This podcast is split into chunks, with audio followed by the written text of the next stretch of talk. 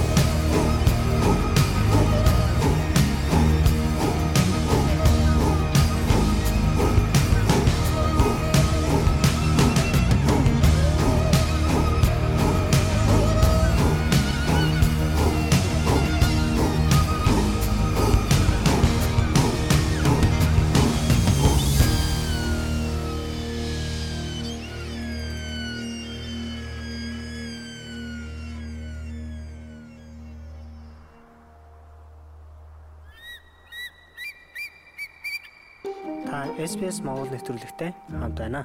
Австрали дахь Монгол уран бүтээлчдийн хувьд нэгэн онцгой үйл явдал Виктория мужид боллоо. Хамгийн уран бүтээлч муж гэгддэг энэ мужид Монгол уран бүтээлчид зураачдын хамтарсан анхны үзэсгэлэн Мельбурн хотоос 100 орчим километрийн зайд орших Daly's Fort гэдэг хотын The Convent Gallery-д нээлттэй хийсэн юм а. Үзэсгэлэнгийн нээлтэнд Монгол соёл урлагаа харуулсан гайхалтай арга хэмжээ боллоо. Морин хуурын тоглолт Монгол бүжиг, балетын үзүүлбэртэй хадаг мөнгөн аяхтай сүгээр уран бүтээлчтэй Милан үзэсгэлэнгээ нээлээ.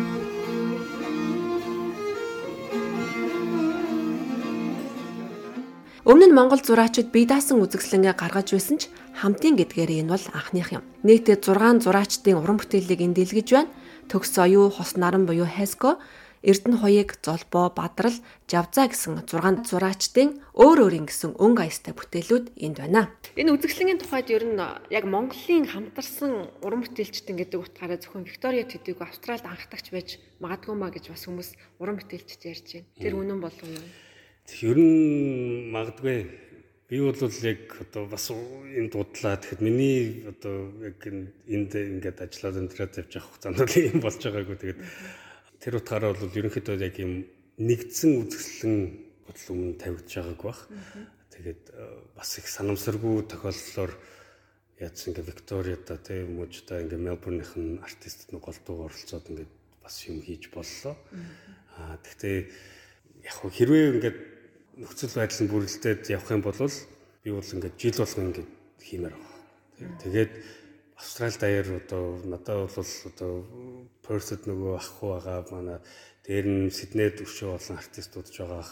Манай Brisbane-д ч бас одоо артист нар болроод нэр гэдэг байна. Тэгээ бүгднийг хамруулсан бас юм хийгээд байж бас болохоор юм. Гэхдээ гол нь нэг энэ болов чи нөө энэ галерей бид нарыг ингэж одоо баг түрээсгүйгээр ингэж галерейгаа ашиглуулаад дээр нь ингээд нээлтийг ингэж сайхан дэмжиж дэмжиж оролцож байна гэдэг чинь Ингүүгээр бол эн чинь болтгоо зүйл те. Би одоо хэрвээ өөрөө энийг ингээд Мельбурн хотод бие дагаад зохицуулыг бол явахгүй л байхгүй. Болдог байсан бол аль эрт нь хийцэн л байх л байсан баг.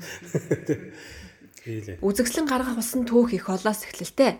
Мариан Оки гэдэг Австрали эмэгтэй 1996 онд Улаанбаатар хотод сэтгэл зүйчээр нэг жил орчим ажиллажээ. Тэр үедээ Монголын урчуудын эвлэлийн шагналт зураач Содномын төгс оюунтай танилцжээ. Марион тэр цагаас хойш олон удаа Монголд очиж судалгаа хийж байсан. Энэ хоорондоо төгс оюунтай илүү дотн танилцж түүний урланд нь хамт кофе юм ярилцах дуртай дотн найзууд болсон байна. 2006 он төгс оюун Австралид ирж бусад зураачдын хамт Флендерсийн нуруунд зураг зурах аялал хийсэн юм. Энэ аяллаас төрсэн бүтээлүүдийн заримыг Марион одоо хүртэл хадгалж байсан. Түүгээрээ үзэгслэн гаргахаар болж өөр Монгол уран бүтээлчдийг хайсаар Хескот анх уулзнаар энэ үзэгслэн гарах эхлэлүүлжээ. Нээлттэй ажиллагааны үеэр Монголд байгаа зураач төгс оюунтай шууд холбогдсон юм нартай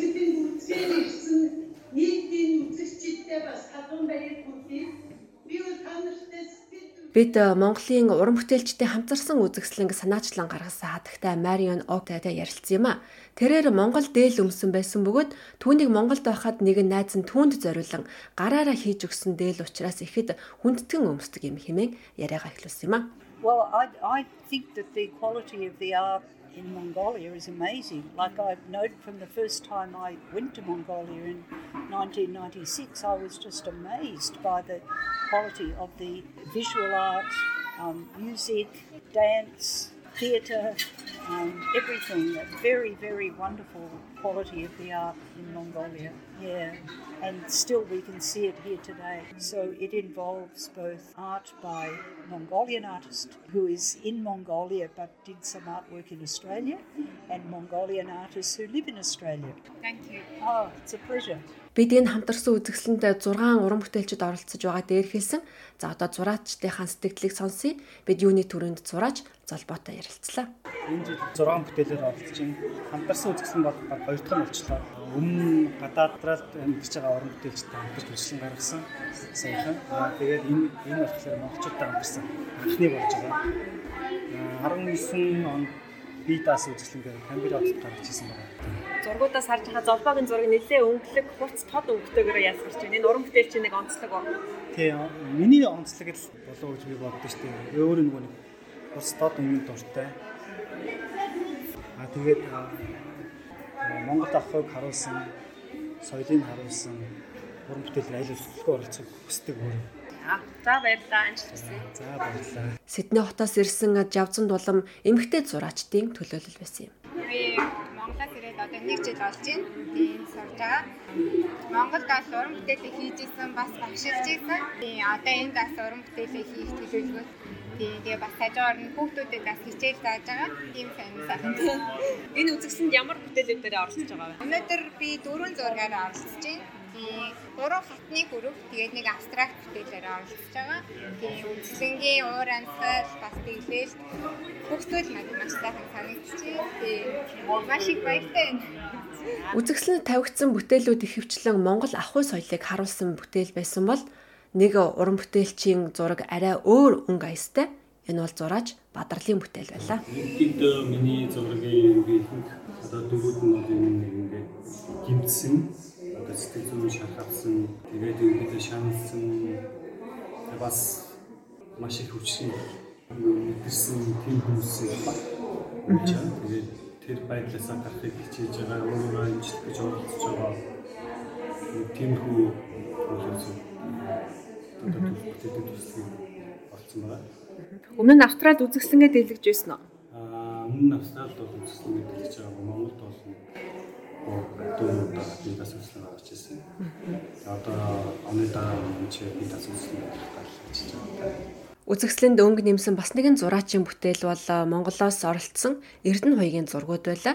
Тэрээр Австральд хүүхдүүдийнхээ урилгаар 7 сар орчим амьдрахдаа эдгээр зургуудыг зурснаа үлдээсэн нь энэхүү Монголын уран бүтээлчдийн хамтарсан үзэгсэлэнгийн нэгэн өнгө болсон юм а. Виктория мужи бол Австралийн хамгийн уран бүтээлч муж гэдгээрээ алдартай. Тэр дундаа Daylesford хот бол олон галерей үзэгсэлэнд цөмийн барилгууд болон байгалийн цэвэр аршаан тунгалаг ус спа-гаараа алдартай.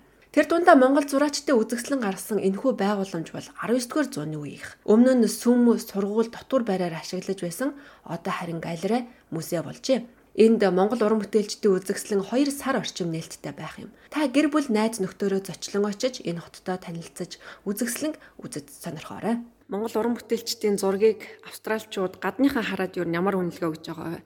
Арай өөр харагдаж ах шиг байна тэр хүмүүсийн сэтгэлийг сонсоход.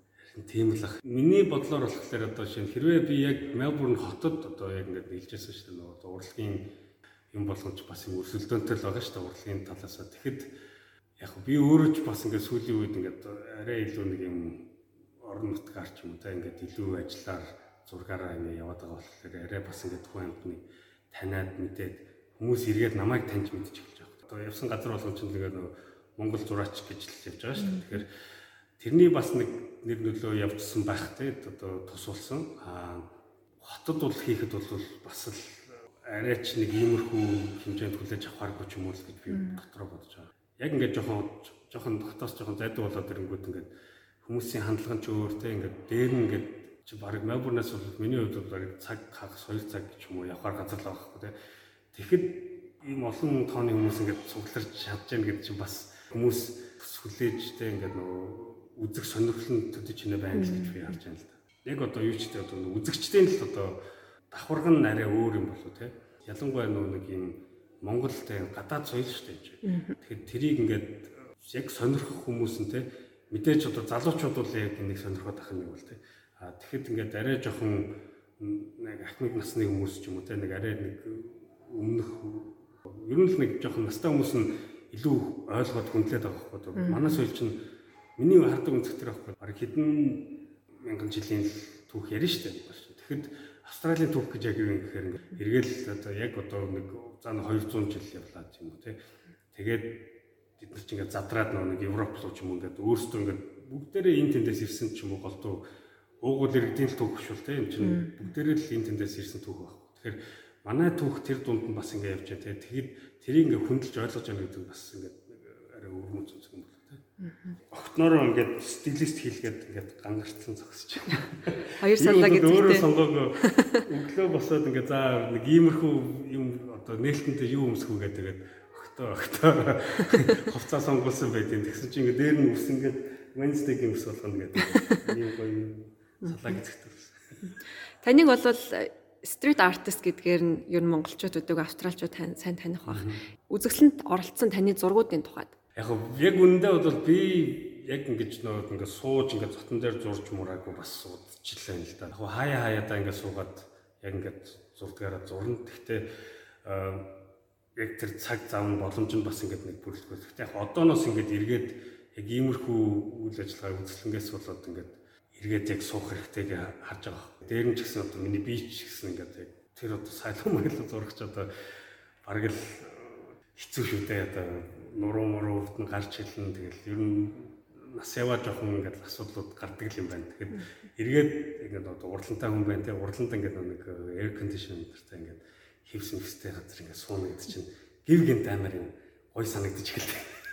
Хүн нь бол ерөөсө төвчээр өгдгөөс авах ингээд яг энэ үзэсгэлэнд бол яг нэг нөгөө автар авахад нэг яг нэг зарагдаагүй үлдсэн нэг хитэн зургуудаа ерөнхийдөө авчирсан. Тэрнээс бол бараг 15 он мөн зурсан ч байна. Нэлээд дээр үеийн зургууд л явж байгаа. Тэрнээс яг сүүлийн үеийн уран бүтээл бол ерөнхийдөө төлөвлөлөж гэсэн юм байхгүй. Тийм л байна да. Гэтэ яг ирээдүйдээ хэрвээ ингээд яг энийг жил болгон ингээд хийхээр бол бас ингээд хүмүүс ч гэсэн тэр нэг юм орон зай үүсгэх одоо платформ үүсгэх талаас нь ажиллавал чи уран бүтээлчдийг ийм юм хэрэгтэй гэдэг. Тэр нэг юм орон зай өөрсдийгөө уран бүтээлээ төлөвлүүлээд хүмүүстэй ярилцаад тэг ингээд нэг холбоо сүлбэгээ сэргээгээд явах одоо яг өнөөдрийн гол зорилго тэр л бид нар уран бүтээлчд энд байна. Ийм хүмүүс байдэн шүү. Энийг ингээд э, нэгтгээд нэг юм хийж шүү. Тэг одоо монголчууд гээд зогсож байгаа юм Үзэгслэн хэдэн хүртэл гарах вэ? Ерөнхийдөө бол баг 2 сар шахуу эндээ үзэгслэн бол тавигдана гэсэн. Аа яг он гаргаад яг Dalesford айгүй их жуулчд ирдэг. Энэ хав ерөнхийдөө яг э, тийм нөө зуны үеэр бол айгүй их э, хүмүүс ирж зорж ирж энэ хавыг ялангуяа энэ конвентуудыг ирдэг гэсэн. Тэгэхээр өмнө нь одоо ийм болж байгаа болохоор ингээд яг энэ галерейны талаасаа ч гэсэн айгүй их эргээр айгүй сайн хүлээж авч байна. Тэгээд 6-аас 8 7 хоног гэсэн л дээ. Тэгээд яг хэр цаашаа үргэлжлэн бас мэдэхгүй те. А гэхдээ бас нэг талаасаа ингээд манай энэ одоо өнөөдрийн уран бүтээл одоо үзэсгэлэнд оролцож байгаа зураачд болохоор тусдаа ч гэсэн те бие даасан үзэсгэлэнгүй гаргаж болно шүү дээ. Гэвэл те гол нь яг энэ холбоо сүлбэн одоо ингээд тогтсон тохиолдол те урлаг гэдэг чинь тэгж л явна шүү дээ. Яаж ч гэсэн ингээд нөгөө хаалганд ингээд хүлээ авч болчихлоо. За тэгээд ийм сайхан үзэсгэлэн одоо ингээд бэлэн байна. Одоо Dalesford гэдэг үзэсгэлэнтэй их сайхан хэсэгч байгаа. Тэгээд цаг заваараа монголчууд ингээд ирж монголчуудынхаа бас уран бүтээлийг сонирхож ирж дэмжээрэй гэж хэлмээр. За, за баярлалаа танд. За баярлалаа. Австрали улсад амьдарч эхлэх гэж байна уу? Хэрэгтэй мэдээллийг SBS.com.cg юу? Уршаа зураас Mongolian хуудасаас хүлээн авах нь. Play дарж долгионо тааруул. 60 өөр хэл дээрх мэдээ, сэтгэлд нийцсэн хөгжим, сонсохгүй байхын аргагүй хэрэгтэй подкастууд таныг хүлээж байна. SBS аудио апыг татаж ав. Эсвэл sbs.com.au/audio зочлоорой.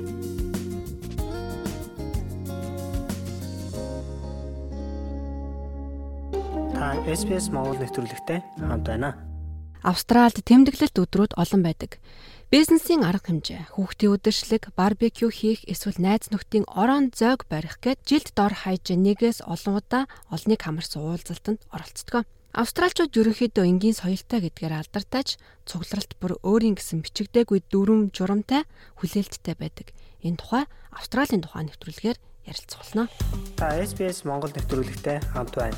Бусад сонирхолтой нэвтрүүлгүүдийг SBS.com.cg Mongolian вебсайтаас хүлээн аваарай. Австралид болдог хамгийн түгээмэл арга хэмжээ бол барби юм. Барби гэдэг нь барбекю гэсэн утгатай хэрэглэгддэг.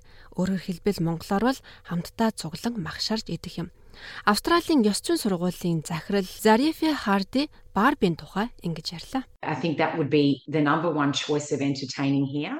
Энэ бол Австралид болдог хамгийн нэг номерын зугаацах арга хэмжээ юм. Ерөнхийдөө хэсэг бүлгэрээ гадаа цугларч магшарж идэнгээ ярилцдаг. Энэ бол хамгийн энгийн, тайван, албан бус цугларалт. Тэнд Австралид 80 90-ад оны үед хийдэг байсан шиг жинхэнэ албан ёсны оройн зогны нарийн дэг жаяг байхгүй. Энд хутга сэрээгээ зөв барихаас эхлээд олон бусад хатуу дүрм журамтай албан ёсны уулзалт биш юм. Гэхдээ зочдыг хүлээж авахдаа мөрдөх бичигдээгүй дүрм энд бий. Та гэрийнхэн цэцэрлэгтэй эсвэл гадуур барбекю хийхээс үл хамааран бэлтгэл хэр их хийснээс таны хүлээн авалтын дүн тавигдах болно гэж хатагтай хаард ярьлаа to just make sure that when your guests get there Та зочдоо хүлээж авах цаг заваа бүрэн зориулаарай. Гал тогооны өрөөндөө ороод алга болчихолгүй бүх зүйл бэлэн байж ширээ зассан байх нь зүйтэй.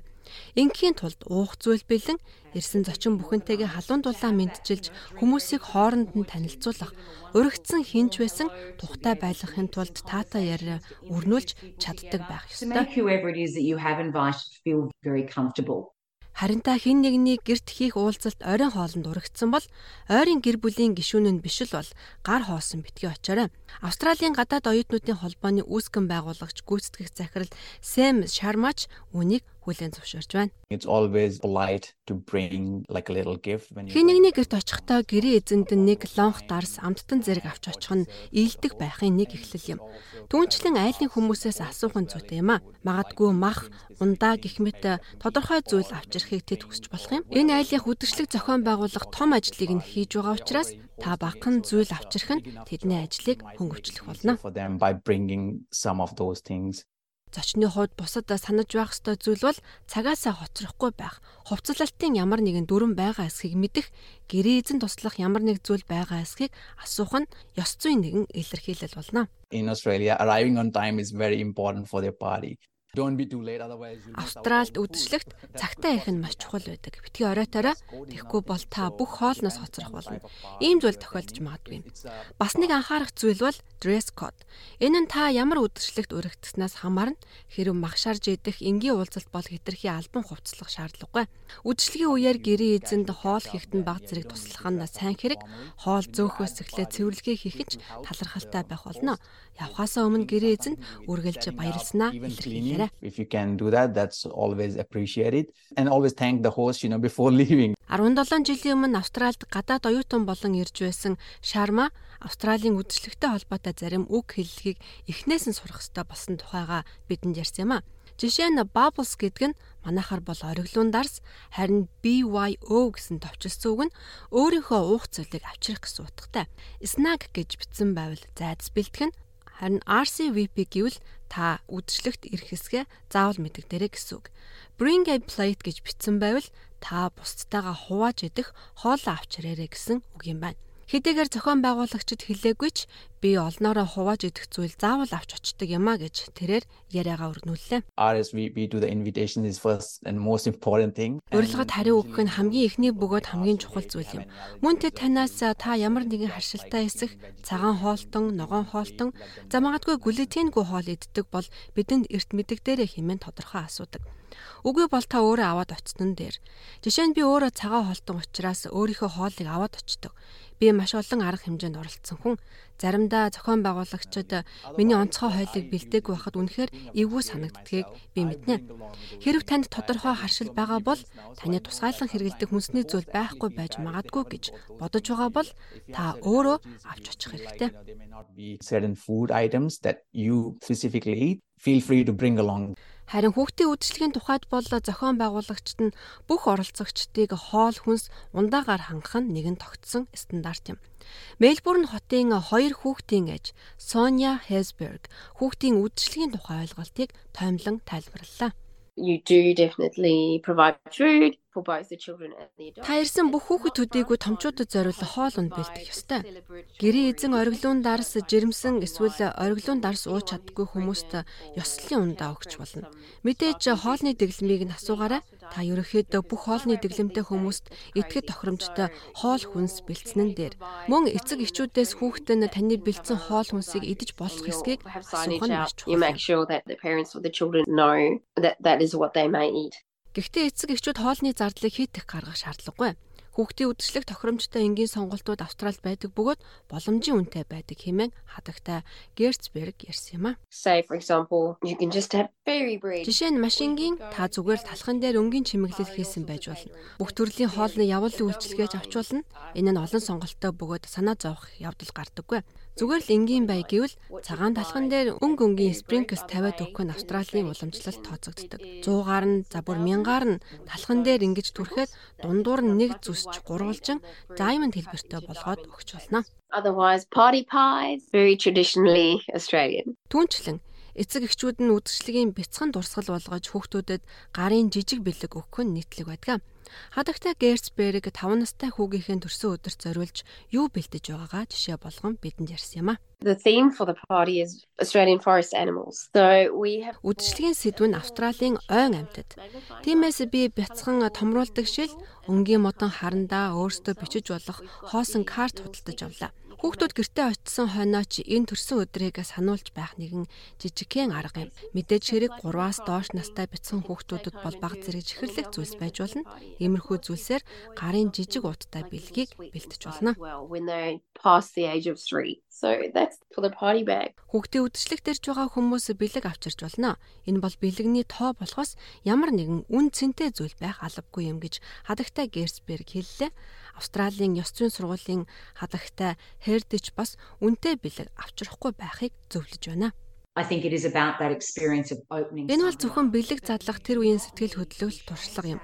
Та үнтэй бэлэг худалдаж авснараа өөрийн статусаа харуулах эсвэл юу ч нотлох шаардлагагүй. Хүүхдүүд үнийг ойлгохгүй гэсэн үг. Мөн бид бусад хүмүүс ингэж үнтэй зүйлс авахыг хэрэггүй гэдгийг нь ойлгох хэрэгтэй. Энэ бол зүгээр л муухай зам.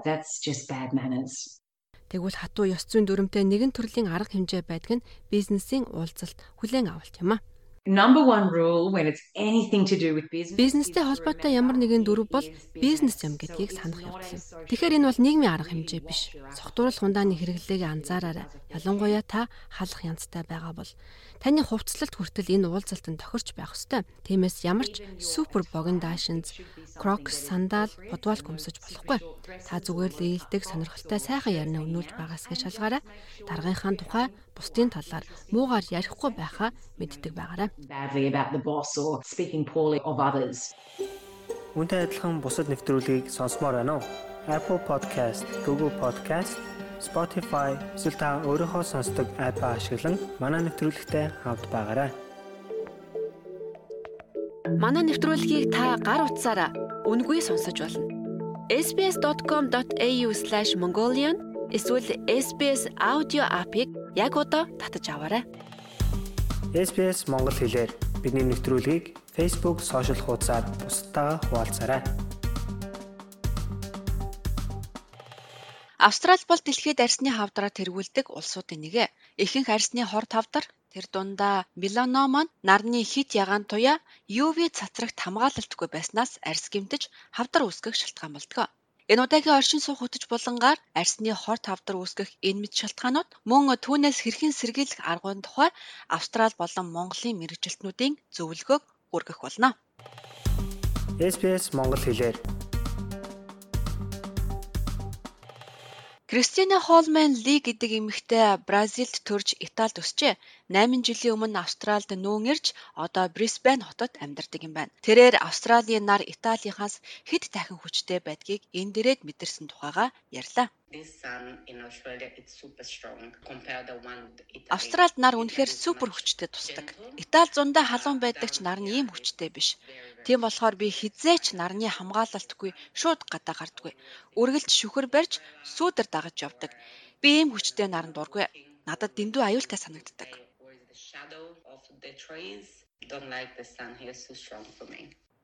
Австрали бол дэлхийд арсны хавдраар тэргүүлдэг улсуудын нэг. Австралийн статистикийн хорооноос гаргасан судалгаанд 2017-оос 18 онд Австралид хавдартай хүмүүсийн 3 хүний нэг нь арсны хор тавдар байсан гэж дурджээ. Тэгэхээр гол шалтгаан нь юу вэ? Яагаад австралчууд нарнаасаа болж арсандаа асуудалтай бүр хавдартай болдгийм бол? Энэ тухайд бид Квинслендд амьдардаг Монгол эрдэмтэнтэй ярилцлаа. Нийгмийн эрүүл мэндийн шинжилгээ ухааны доктор хүний их хэмж Анар ингэж тайлбарлаж байна. А гэвэл Австралийн нар маш хурц тэгээд нөгөө озоны давхаргын хамгаалалт харьцангуй нэмгэн байдаг гэж үздэг учраас энэ бүсэд тэр меланома буюу арсны хавдрыг л одоо Австрали илүүтэй бусад улс орнуудыг бодох юм бол Австралид амьдарч байгаа хүмүүс илүү өртөмхий байдаг. Харин одоо Австралийн хор тавдартай тэмцэх бүлгийн ахлагч ангаах ухааны судалгааны хүрээлэнгийн дэд захирал Дэвид Вайтманы яриаг хүргье. Тэрээр Австральд арсны хор тавдрын тархалт өндөр байгаагийн ард олон хүчин зүйл байдаг гэж ярьж байна. Дэлхийн бөмбөрцгийн өмнөд хагаст манай улс нэлээд нам өргөрөгт дэлхийн тойрог зам дагуу оршдогтул нарны шууд тусгал маш хүчтэй ирдэг.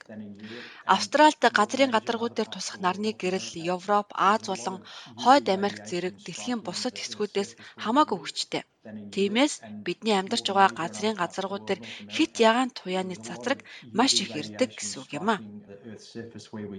Түүний хэлж байгаагаар австралчуудын ихэнх нь энэ нөхцөл байдал зохицоогүй арсны бүтцтэй хүмүүс байдаг гинэ. Австралчуудын ихэнх нь Европ гаралтай хүмүүс. Нарны гэрэлд өөрчлөгдөөгүй цайвар шар арстай байдаг нь энэ наранд амархан гэмтэж хавдар үүсгэх шалтгаан болдог юм а. Харин одоо бид Сидней хотын арсны хор тавдрын магадлан итгэмжлэгдсэн GP-гийн эмч Ахмед Хасейны яриаг хүргье. Тэрээр нарны хит ягаан туяанд байн гортох нь арсны ДНХ гэмтээдэг хэмээн тайлбарлаж байна. Хит ягаан туяа арсан дээр тусахад арсны хамгийн өнгөц зэсийн ДНХ өөрчлөгдөж эхэлдэг. Бид арсны 1 за хамгийн ихтэй 2 мм-ийн гүний тухай ярьж байна. Ингээд өдрөөс өдөрт, жилээс жилд хор тавдрын эсүүд хөгжиж эхэлдэг. Энэ нь хор тавдрын үндэс болох хөнгөн хэлбэрийн хор тавдар цаашлаад дунд болон амь насанд аюултай хавдар үүсгэх шалтгаан болдог юм а. Хэрвээ энэ гэмтлийг арьс өөрөө нөхөн төлжиж сэргээж чадахгүй дахин дахин гэмтсээр байвал алдаатай болсон эсүүд хуваагдаж эхэлдэг. Энэ хуваагдсан олон эсүүд өссөөр хавдрын эсийг үүсгдэг юм байна. Австральд зуны жирийн нэг өдөр ч хит ягаан туяа өндөр байдаг учраас хамгаалалтгүй явах нь эс гэмтэж хавдар үүсэх шалтгаан болдог гэсэн үг юм а. Зуны өдөр хит ягаан туяаны индекс 12 болдог. Бид гадаа гарахаас сэргийлж хүүхдүүдээ ч гаргахыг зөвшөөрдөг. Хэрвээ энэ индексийг өвөл харвал 3 4 орчмол байдаг. Энэ нь өдрийн хэдхэн цагт юм болдог. Харин 100 ялангуяа өглөөний 8 цагаас өдрийн 4 цаг 30 минутын хооронд хамгийн өндөр хэмжээндээ хүрч индекс нь 12-оос 14-г цаадаг. Пейж Петерсон бол Австралийн хавдрын зөвлөлийн арсны хор тавдрын хорооны дарга юм. Тэрээр бүх Австральд амьдарч байгаа хүн бүхэн гэрээсээ гарахтаа л хит ягаан туяаны хэмжээг хардаг байх хэрэгтэй гэж зөвлөж байна. Энийг Sun Smart гэдэг нэртэй аппликейшн болон за цагаагаарын мэдэн дээрээс харах боломжтой. Бид ягаан туяаны хэмжээ 3 болон түүнээс дээш байх үед нарны хамгаалалт хэрэглэхийг зөвлөдгөө. Энэ үед биеийн хэсгүүдэд аль болох ил гаргахааргүй ханцуутай цамц урт өмд өмсөх хэрэгтэй нарны тос түрхээрээ. Энэ тос нь 30 юм уу түүнээс дээш SPA-тэй байвал зүгээр. Усанд төсвөртэй нарны тосыг сонгоорой. За тэгээд толгой, нүүр, чих, хүзүүгээ далдлах үйц том хүрээтэй малгай өмсөөрэй. Нарны шилбэл зайлшгүй зүүх хэрэгтэй. Дээр нь мэдээж аль болох сүүдэр бараадаж явах нь зүйтэй. За энэ таван зарчмыг барьснаар нарны тусгалаас та өөрийгөө хамгаалж за ирээдүйд амь насанд халтай хавдраас ч бас өөрийгөө сэргийлж чадна гэсэн үг. Тэгвэл бараан арьстай хүмүүсийн арьсанд ДНЭ гэмтгээс сэргийлсэн меланин байдаг гинэ. Гэхдээ ийм байлаа гэд хавдар тусахгүй гэж ойлгож болохгүй. Ахмед Хасен арьсны өнгөнөөс үл хамааран хавдар болох эрсдэл байдгийг хэлж байна. Хүн бүхэн адилгүй. Сайн эмч бүх хүнд эрсдлийг нь ойлгуулах ёстой. Тэгэхээр нарны хит ягаан туяа бол арсны хор тавдар үүсгэх гол хүчин зүйл. Энэ нь таны арснаас хамаарахгүй хэдийгээр бараан арстай хүмүүс хамгаалалттай байдаг ч эрсдэл байсаар байгаа. Бараан арстай ч хавдартай болсон тохиолдол олон бий. Хавдраас сэргийлээд наранд гарахгүй байснаар витамин D яаж авах вэ гэсэн асуулт гардаг. Энэ тухайд хавдрын эсрэг үндэсний зөвлөлийн Пейж Петерсон та үнэхээр үн санаа зовж байгаа бол нэмэлт дамын уух тухай өөрийн эмчтэйгээ ярилцаарай гэж зөвлөж байна. There are some groups that are particularly at risk of vitamin D deficiency. Нарнаас авдаг Д амин дэмийн дутагдалт өртөх эрсдэлтэй хүмүүс гэж бий. Дээр ярьсан меланин нэгтэй бараан арьстай хүмүүс за бас шашин шүтлэг соёлын шалтгаанаар арьсаа байн халахалж битүү хувцс өмсдөг хүмүүс байна. За мөн дээр нь өндөр наснууд эрсдэлтэй байдаг. Гэхдээ нэг зүйлийг санах нь чухал.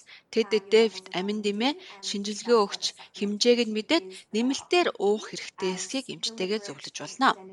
Наранд удаан шарах нь эрсдэл өндөр учраас витамин D авахын тулд наран шарахыг мэрэгжилтнүүд зөвлөдөг as that will be increasing your risk of developing skin cancer. Хүмүүс арьсаа шарж борлуулснаар нарнаас хамгаалах давхрагтай болсон гэж ойлгодог. Гэтэл ингэж арьсаа шарах нь өөрөө арьсыг ноцтой гэмтээдэг тухай эмч нар ийхүү зөвлөж байна. Энэ удаагийн оршин суух хөтөж булангаар Австральд арсны хавдраас хэрхэн сэргийлэх тухай зөвлөмжийг хүргэлээ. Та бусдаа санаа тавин энэ зөвлөмжийг хуваалцаарай. Австрали улсад байгаа бусад монголчуудтайгаа холбогдоорой. SBS.com.cg-ийг урагшаа зураас Mongolian хуудасаар зочлоорой. Манай хөтөлбөртэй хамт байгаа танд баярлалаа. Ингээд хэсэг хугацааны завсралгын дараа эргээд уулзцаая.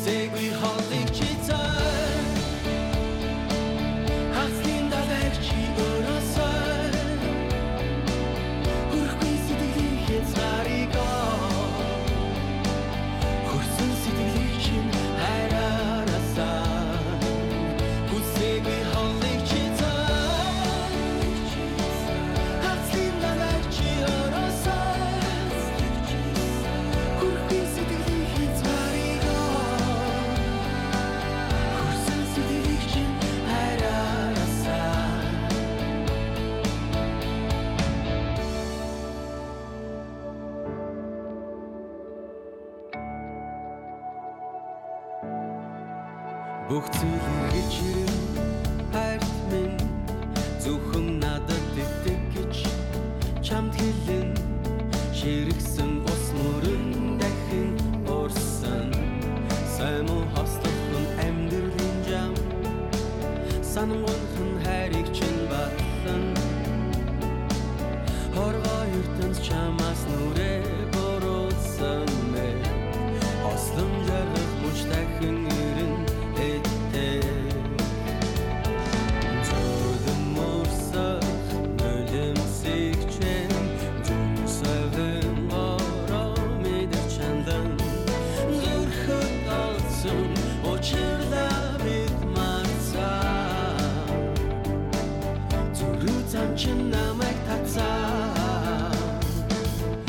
Segui Holly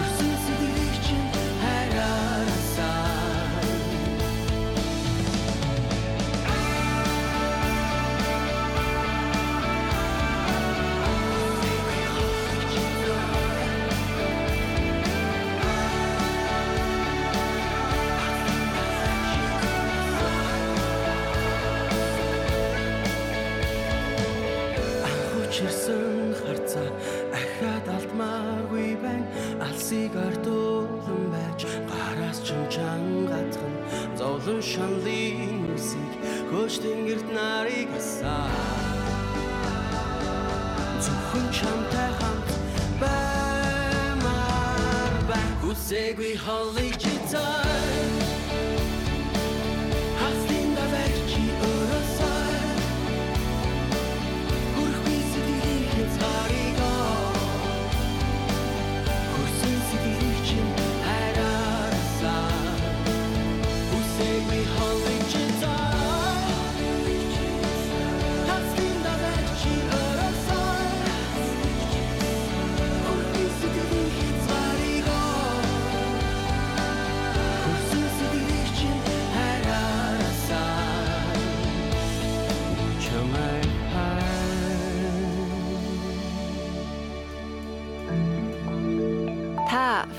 Facebook-ээр орж манай хуудсанд лайк дарж бидэнтэй хамт байгаарай. Бид таны саналыг сонсохдоо үргэлж баяртай байх болно. SBS Mongolian Facebook хуудас. Та SBS Монгол нэвтрүүлэгтэй хамт байна. Австральд маш олон хүүхэд усан цэлэлтийн сургалтанд хамрагдахгүй байна. Гол учир нь эцэг эхчүүд нь хүүхдээ сэлд сурахад хэтэрхий бага байна гэж боддог. 5-аас доош насны хүүхдүүдийн усан цэлэлтийн хичээлд хамрагдах тоог нэмэгдүүлэх зорилготой шинэ компанид ажил өрнөж байна. За сургалтын төлбөр нь хүүхдүүд сургалтанд хамрагдахгүй байх бас нэгэн шалтгаан болж байгааг тэд тогтоожээ. Дөрвөн настай эхрүүд болох Chase Сентианаар Мельбурн дахь усан цэлэлтийн хичээлдээ тун дуртай. Тэд усанд шумбаж сэлд сургадаг хичээлийн сурагчид юм. Эдгээр хичээлүүд нь зөвхөн хүүхдийн төдийгүй тэдний ээж Cherry Lee-гийн зөвшөөрлийг авснаар явагддаг. I think swimming is not just exercise, not just for fun. Усан сэлхэн зөвхөн дасгал эсвэл зүгээр тоглох хөгжихийн төлөө биш юм гэж би боддог. Энэ бол тэдний амьдралын туршид амиа аврах чадварыг сургаж байгаа юм. Маш чухал. Хүүхдүүдэд нэг л спортыг сонгож сургах ёстой гэвэл би усан сэлхийг үргэлж нэгдүгээр тавьгуулна гэж Усны аюулгүй байдлын групп Aust Swim-ийн мэдээлснээр Австралийн нийт хүүхдийн талаас илүү хувь нь сургалтанд хамрагдаагүй байна. Aust Swim-ийн Victoria мужийн менежер Angus Milner ингэж ярьлаа. So we've estimated that 53% of families that have pulled out Сургалтанд хамрагдахгүй байгаа гэр бүлүүдийн 53% нь санхүүгийн байдлаас болсон гэж тайлбарлаж байгаа. Энэ нь томоохон саад татвар болж байгааг бид ойлгож байна. Гэхдээ гэр бүлүүд мөнгөө хэмнэж тэр мөнгөөрөө хүүхдээ сэлд сургаж байгаа нь харахад үнэхээр урам зоригтой байна. Австралийн эсвийн байгууллагаас гаргасан мэдээлэлээс харахад 5 гэр бүлийн 2 нь усан цэлхэд дэндүү балчур байна гэж үзээд хүүхдээ хичээлд хамруулдаг гэлээ. Гисэн хатлаа эцэг эхчүүдийн талаас илүү хувь нь хүүхэд нь усанд осолдвол тэд өөрийгөө аврах чадвартай эсгэд эргэлзэж байгаа юм байна. Амжиргааны өртөг нэмэгдэж байгаа нь бас нөлөөлж байгаа 10 хүний дөрөв нь усан цэлэлтийн хичээл хэтэрхий үнэтэй гэж үздгээ ярьжээ. Гэвч Cherry Lee-гийн хувьд эхрүүдээ сэлд сургах зардал нь сэтгэлээ зовоохгүй амар амгалан байхад зарцуулж байгаа мөнгө гэж үздгээ ярьсан юм а. Younger age is actually easier for them to Хүүхдийг бага байхад нь устдаа танилцуулж уснаас айх айцаа багасгахад нь илүү хялбар байдаг. Устдаа танилцахад бага зэрэг хэцүү. Гэхдээ усанд орохын тулд өөртөө итгэх итгэлийг бий болгоход илүү их хугацаа шаарддаг. Swim Safer Week-ийн зорилго нь аль болох олон хүүхдийг усанд сэлүүлэх явдал юм. Гэхдээ хадагтай лигийн хэлснээр ямар ч насны хүн усны мэдлэгээ дээшлүүлэхэд хизэж оройтдгүй гэсэн юм а. I only know very basic. Би усан сэлэлтийн хэдхэн арга техникийг мэднэ. Өөр сэлэлт сурч өөрийгөө сайжруулахыг хүсэж байгаа. Тэгэхээр усан сэлэлтийн хичээлд хамрагдахаар бодож байсан. Усан санд илүү их цаг зарцуулах нь мэдээж түүний ихрүүдэд таатай байх нь дамжиггүй юм а. SBS A World of Difference. SBS Mongolian Австралийн өнцөг булан борт суугаа монголчуудынхаа төвхийг хуваалцдаг. Ингээд манай ярилцлагын болонд анхаарлаа хандуулно. Та SBS Монгол нэвтрүүлэгтэй хамт байна. За мэцхан Австрали суугаа монголчуудаа SBS Mongolian 7 хоног бүр хүргэдэг шинэ ярилцлагын булангаа та бүхэндээ хүргэх гэж байна. Энэ удаад бид нэр Австралийн хүнсийг энд амьдарч байгаа монголчууд маань хэрхэн сонгох вэ? Яаж хэрэглэх вэ гэдэг сэдвээр ярилцах гэж байна. За манай өнөөдрийн зочин шимт хичээлийн зөвлөх хоол ба хөвшмөл төөрөгдлийн тайлал номын зохиолч Наран Чимэг оролцож байгаамаа. За сайн байна уу нарагч урилгын минь хүлээж авсанд баярлалаа. За баярлалаа. Намайг урьсанд бас баярлалаа. Би бол одоо энэ Австралийн хүнсийг сонгохдоо дээрээ тэр 5 одтой байх юм бол ямар ч үнэтэй байсан одоо эрүүл хүнс хэрэглэе гэдэл юу наваад идэг байсан. Тэгэхээр бас л буруу сонголт хийдэг байсан байж тээ тий. Тэгэхээр тань Австралид амьдарч байгаа монголчууд байна хүнсний шошхыг зөв унших тухайд бас зөвлөгөө өгвөл. Тэгээ хүнсний шошхыг би нөгөө нэг хэлсэн одоо дэлгүүр явахдаа тэр хайрцаг савтай амиг бол аль болох авахгүй хичээдэг. Тэгэл тэр чинь нөгөө нэг ихэнх нь ерөөсөө 4 одтой 5 одтой 3.5 одтой гэд.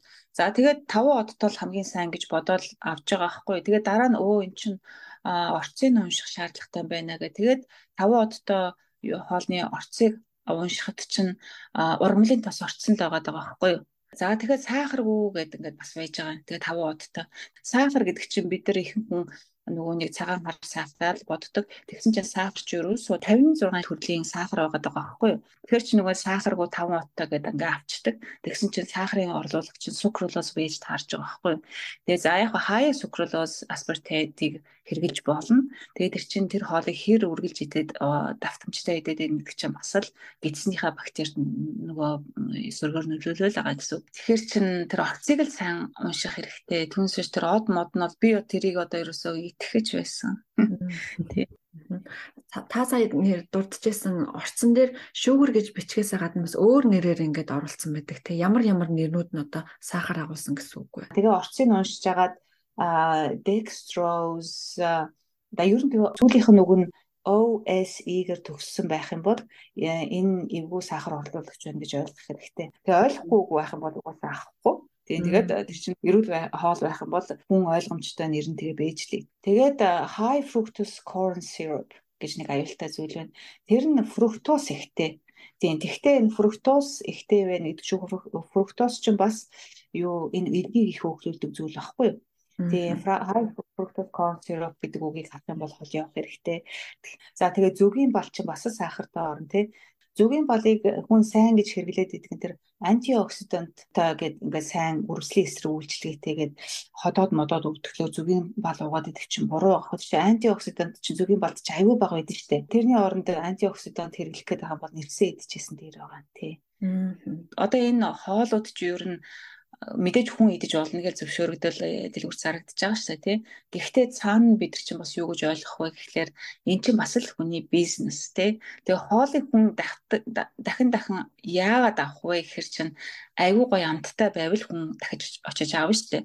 Тэгэхээр чин тэр шимт хижээл гэхээсээ илүү тэр хоолыг энэ үйлдвэрлэж байгаа компаниуд чи яавал би энэ хоолыг аюу гой амттай болох уу? Яавал хүний дахин дахин ахуулахаар тийм үзэмжтэй амттай болох уу гэдг нь хамгийн хүнд нь яваад байгаа байхгүй юу? Тий тэрэнд нь бид нар жоохон хууртаадаг хууртагдаад ах шиг байгаа юм. Одоо хоёлаа монголчууд за ер нь монголчууд гэлгүй австралч ч ер нь бас махны хэрэглээ өндөр хүмүүс шүү дээ тий баяр болохоор л энэ мах шарж идэл амралтаа тэмдэглэдэг. Тэгэхээр хоёлын энэ халуун улсад амьдарч байгаа бид нар махыг яаж зөв хэрэглэх тухайд ярилцвал ямар вэ? За магадгүй бас өвөлт нь зунд нь те эсвэл өдрийн аль цагт нь идэх вэ ч гэдэг юм уу. Бүрхийн амтын мах чинь жоохон муу нэртэй олон жил явсан. Одоо ч гэсэн ер нь мах муу л гэж яриад байгаа юм.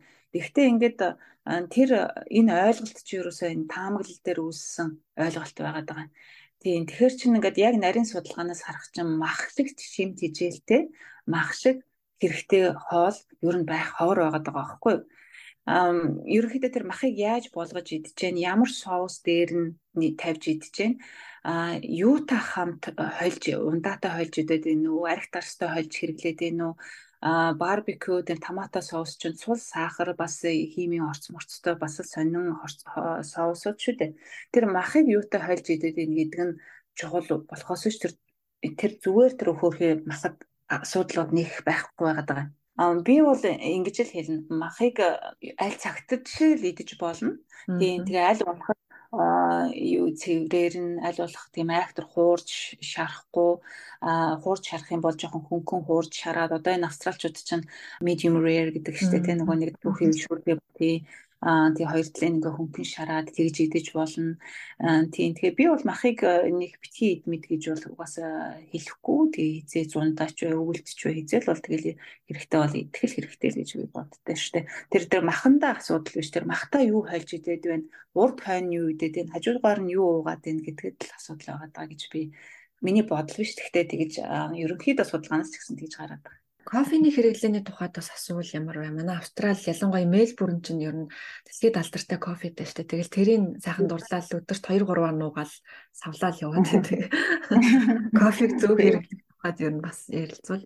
Тий. Кофе чинь ерөөсөө ерөөх хүн чинь сайн муу гэж янз янзаар ярьдаг. Тэгээд ер нь бол тэгээ сайн тал нь их шүү дээ. Тэгээ тарих мэдэрний мэдрэлийн үйл ажиллагаа сайн. Тэгээд яг уугаад зөхгүй хүмүүс байдгийн зүрхэн савлаал ирүүл тэр хүн зөхгүй байх гэсэн үг байхгүй тэр чинь кофеин нэгтээд ийн гэсэн үг. Тийм болохоор кофеиныг багасгах ч юм уу. Тэгээ ер нь заавал уух шаардлагатай зүйл биш. А гэхдээ одоо над шиг юм уншиж судлах эдэм шинжилгээний ажил одоо тэгээ ажлын шаардлагаар тарих бол дандаа сайн ажиллаж явах шаардлагатай байгаа байхгүй юу. Тэгэхээр чин тарих сайн бол би бол өөрөө кофе уудаг. Тэгээ кофе ууж яхад чинь уух чинь усаа бас шингэний хүн алддаг тал байгаа. Ягаад бол кофе чинь нөгөө diuretic тэгээд шингэнээ алдна, бас эрдэс бичсээ алдна. Тийм болохоор тэрийг кофегаа уудаг хүмүүс бол нөхөж авч явах хэрэгтэй, усаа сайн уух хэрэгтэй. Эрдэс эцэстэй усууд байдаг шүү дээ. Тэр эцэстэй усуудаа бас ууж явах хэрэгтэй. Тийм тэгээд би бол хар кофе уух дуртай. Бас хэрвээ бас дээр нөгөө нэг thickened cream гэдэг шүү дээ. Сүү бол нэг хийх хийхгүй. Second cream гэж нэг өтгөрүүлсэн сүү тэрийг хийхлээр илүү гоё амттай болдгийг тэрийг жоохон хийгээл жоо кофе айгуу гоё амттай болдгийг а тэгээд тэр юуны oat milk энтер гээл тэдрийг бол хэрэгэлдэггүй. Тэдний орчин бас их актер юм билээ шүү дээ. Бас л ургамлын тосмоос орсон эвгүй юм орлуулад emulsifier энэ төр оруулаад тэр oat milk-ийг сайхан тийм silky а болгоод тавьсан байт юм билээ. Тэгээд тэрний оронд зүгээр түгөө хийгээд үсэн дээр. Лайк, share, comment үлдээгээрэй. SBS Монгол Facebook хуудсыг дагахаа мартаоцай.